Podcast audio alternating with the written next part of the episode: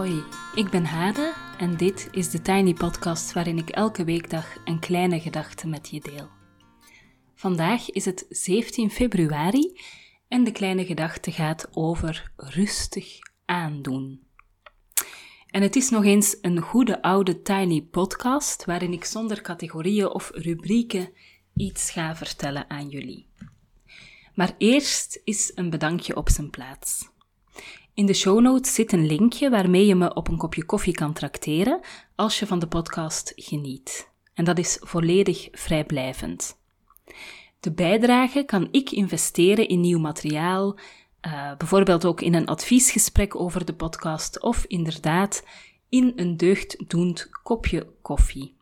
En vandaag mag ik Nele, Elise, Ad en Carlijn bedanken. Dank jullie wel. Natuurlijk is het telkens leuk en lief als iemand gebruik maakt van dat uh, trakteerknopje, maar ik had een heel brede glimlach toen ik Ad zijn naam voorbij zag komen. Ad heb ik jaren geleden leren kennen toen ik nog een soort kuiken was dat onderzoek deed aan de universiteit en voor zijn onderwijsorganisatie studiedagen verzorgde. Ik vond dat ontzettend fijn om te doen en Ad is zo iemand die met zijn warmte en zijn groot hart heel aanwezig was op een heel fijne manier en waar ik mij meteen als kuikentje bij op mijn gemak uh, voelde. Um, en ook al heb ik Ad dus al lang niet meer gezien en doen we nu allebei andere dingen, um, toch vind ik het heel fijn om zijn naam voorbij te zien komen en geeft dat meteen weer een warm gevoel en een glimlach van oor tot oor. Voilà. Ad, ik hoop dat onze wegen elkaar nog een keer kruisen. Ook fysiek als dat weer mag. Jullie zullen gemerkt hebben dat deze podcast, of misschien niet, nou ja, misschien hebben jullie gemerkt, zal ik zeggen, dat deze podcast wat later verschijnt dan normaal. Ik vertelde het maandag, eindelijk ging de school open en de sneeuw zou ook wel smelten. Die sneeuw was leuk, maar het maakte het dagelijks leven wel wat complexer en trager. Nou, ik was donderdag echt helemaal klaar voor het grote, zo normaal mogelijke leven. En toen brak onze gastouder, dus degene die onze kinderopvang verzorgt, haar arm op twee plekken en werd kinderopvang weer een soort van onmogelijke puzzel met als resultaat 100 extra dingen op mijn to-do-lijst en werkdagen van 8 uren die ik snel in drie uurtjes moet persen of proppen. En ik weet dat er ergere dingen zijn. Ik ben veilig en gezond en dat is een groot goed. De laatste dagen heb ik wel aangegeven dat uh, dit net de onverwachte verandering was die mijn veerkracht, die al wel wat op de proef was gesteld het voorbije jaar, die mijn veerkracht even gebroken heeft. Goed bedoeld en super lief komen er dan allemaal boodschappen in de trant van rustig aandoen, gun jezelf rust, neem een pauze, lekker blijven ademen. En uiteraard begrijp ik dat niemand zegt Word maar woest en gefrustreerd. Ga even lekker hysterisch doen. Probeer maar elke dag het onmogelijke te doen. Ga koppig verder met alles te willen en te doen dat je nu toch niet voor elkaar krijgt. Ik snap het echt heel erg, dus ik snap echt waarom mensen roepen dat ik maar rustig aan moet doen en maar moet meebewegen met de situatie. Dat snap ik echt en ik apprecieer het, want ik zie ook dat er echt heel veel empathie achter schuilt. Maar wat ik vandaag in de Tiny Podcast wil zeggen is toch wel dit. En niet alleen over mijzelf, maar ook voor andere mensen. Um, ik zie dat we vaak een, een aantal standaard oplossingen in ons hoofd hebben als er ergens iets scheelt. En die bestaan vaak uit de lat lager leggen, rustig aandoen, relax, ontspannen, rustig, niet te veel van jezelf vragen, niet te veel willen vooral, uh, weinig ambitie enzovoort.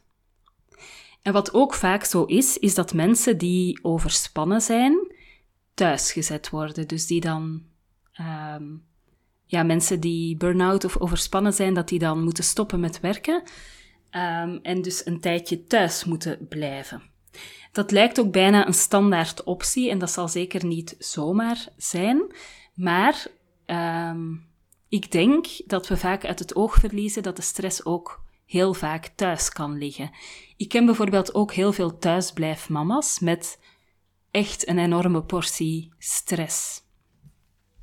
Nu, ik ben zelf niet overspannen, maar stel dat ik het zou zijn, zou het een nachtmerrie zijn om niet meer te mogen werken. Ik vind mijn, mijn werk net een heel fijne plek waar ik bezig kan zijn met volwassen dingen, terwijl ik thuis vaak knetter word van de eeuwige rommel, al het geluid, het eten dat tijdens de maaltijden over de tafel heen vliegt, Jutta die weer eens met haar handen in haar beker drinken zit tijdens het eten, Janne die haar mond veel te vol heeft gestopt, waardoor ik snel een doekje moet grijpen zodat ze het niet op haar kleding uitspuwt enzovoort. En vroeger hadden Pieter en ik nog wel eens een maaltijd op restaurant, om ons even weer mensen te voelen en niet een soort van terrorismebestrijders. Um, maar dat ja, zit er ook al een tijdje niet meer in. En ik hoor je denken, voed je kinderen dan toch op? En ik had ooit een, um, een soort van gewichtscoach waarmee ik het over de maaltijdsituaties had bij ons thuis. En die zei, ja, je moet meteen een pedagoog inschakelen om de situatie onder de loep te nemen. En ik dacht, ja, een beetje pedagoog zegt op deze situatie, wat wil je ook met twee tweejarigen? Dus ik denk dat we ze inderdaad moeten opvoeden, daar zijn we druk mee bezig. En ik denk ook dat twee tweejarigen betekent dat je sowieso poppenkast hebt aan tafel. In mijn leven staat de rem al jaren op. En dat is heel cru om te zeggen. Ik hou echt heel veel van mijn kinderen en ik ben heel dankbaar dat ik ze heb gekregen. Maar ik vind het ouderschap gewoon echt wel pittig. Het leven met kleine kinderen is een soort kluwen van vermoeidheid, bergen was, voortdurend van alles moeten regelen en organiseren. Veel rommel, veel geluid. Ik hou echt van ze en ik heb in periodes met heel veel overgave mij in dat ouderschap gestort. Ik kon bijvoorbeeld het eerste jaar na de geboorte van de baby's gewoon niet bedenken dat ik ooit nog iets anders zou willen dan dat. Zorgen voor de kinderen, eeuwig thuis, lekker met de kinderen zitten tutten, knuffelen, niks doen, vooral niet de deur uitgaan. Maar in het tweede jaar na hun geboorte was dat gevoel echt over en toen kwam de lockdown. Dat dus. Het voelde alsof ik net met heel veel moeite het huis had verlaten voor een wandelingetje, met echt heel veel moeite, en dat ik toen aan een elastiekje teruggetrokken werd. En nu weer, nu de scholen net weer open zijn en de oppas nu een tijd buiten strijd is, uh, heb ik weer het gevoel dat dat elastiekje weer uh, wordt aangetrokken. En uiteraard zoeken we oplossingen, maar op zich vraagt dat al vrij veel energie, want dat betekent dat je weer allerlei to-do'tjes op je to-do-lijst uh, moet hebben. Om misschien het voorbeeld nog een beetje uit te breiden, zal ik jullie vertellen hoe mijn ochtend vandaag verlopen is. Um, ik heb van 6 tot 7 een meeting begeleid en dan nog wat dringende dingen gedaan. Toen ben ik naar huis gegaan, heb ik thuis ontbeten, ben ik naar school gereden, heb ik een webinar gevolgd van 9 tot 10. En daarna gingen Pieter en ik met de meisjes naar zee. Dat gingen we met de auto doen, want het is denk ik 12 kilometer. Ik had waarschijnlijk niet iedereen warme chocomelk moeten geven voor we dit plan ondernamen. Maar na ongeveer 4 kilometer was er een acuut geval van wagenziekte. Um, nou ja, inclusief dat je dan een tijdje aan de kant van de weg staat, dat je dan een soort van ruzie krijgt van gaan we terug of gaan we toch naar zee rijden. Nou ja, uiteindelijk zijn we toch naar de zee gereden met nog een dreigend acuut geval van wagenziekte um, bij kilometer 9 of zo daar ook weer een soort discussie van gaan we nu eh, stoppen of gaan we toch even doorrijden. Nou ja, uiteindelijk kwamen we aan zee, hebben daar een uitstapje gedaan. Uh, toen zijn we naar huis gereden met weer een acuut geval van uh, wagenziekte op die toch wel zeer beperkte rit. Met ook ruzie, want dan zeg ik stop, ik ga uitstappen en ik ga wel met het kind te voet, want dit is zo zielig. En Pieter zegt dan, ja, maar ik kan hier niet stoppen en dat is gevaarlijk. En nou, goed, dus heb je standaard ruzie. Nou, waren we net thuis, ehm, tijd om te lunchen. En toen was er ook nog iets met een diarree-explosie. Nu, ik hou echt van mijn kinderen. Um, en ik denk dat heel veel mensen heel veel van hun kinderen houden. Um, maar als dat scenario van een ochtend je echt heel leuk lijkt, dan zou ik het heel leuk vinden als je mij dat even laat weten. Want dat is dus het soort van moeizame ochtenden waarin je zo van de ene crisis in de andere lijkt te sukkelen.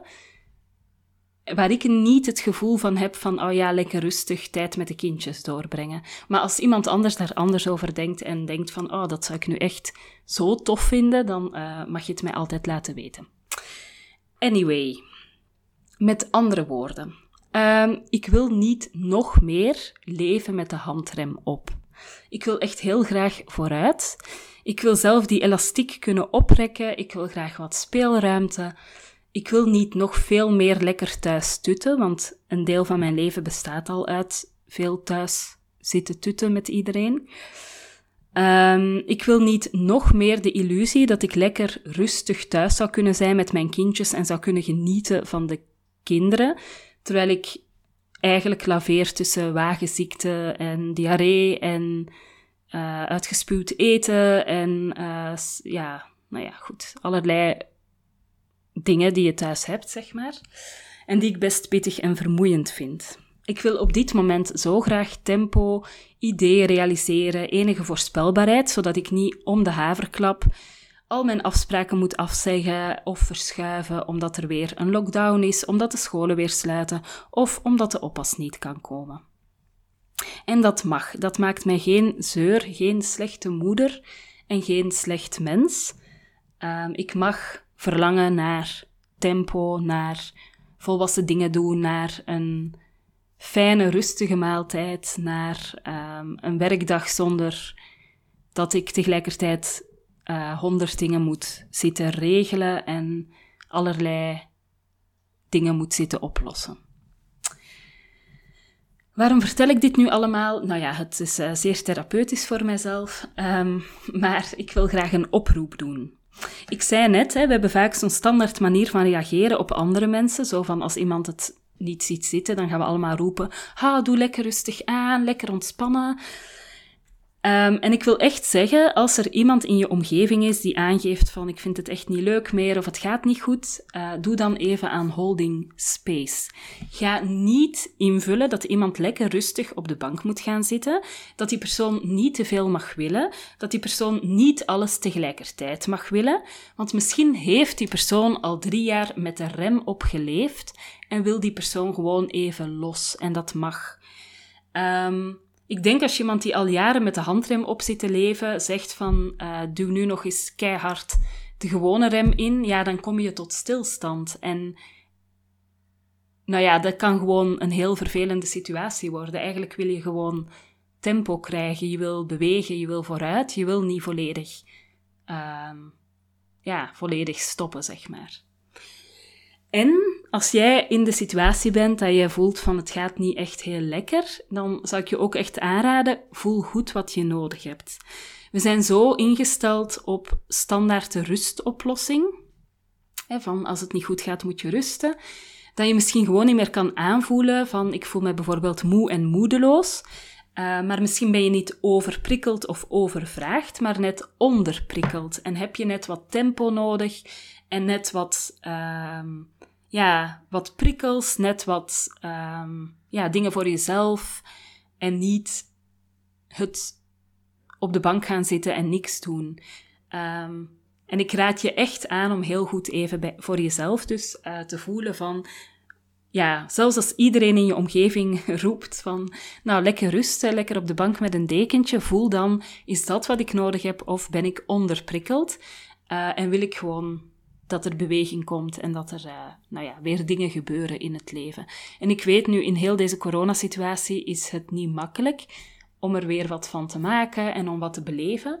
Uh, en net daarom vertel ik dit ook. Ik zie om mij heen heel veel mensen waar het niet super goed mee gaat. Um, en ik zie ook, en we hebben het daar ook over, dat dat vaak meer een situatie is van verveling en onderprikkeling dan van um, overprikkeling. Last but not least. Deze week heb ik een ochtendclubje, de Frisse Start. Um, en elke dag hebben we van 6 tot 7 een meeting. En wat we samen doen is nadenken, reflectieoefeningen inchecken met elkaar. Vandaag werd er teruggekoppeld hoe dit ervaren wordt.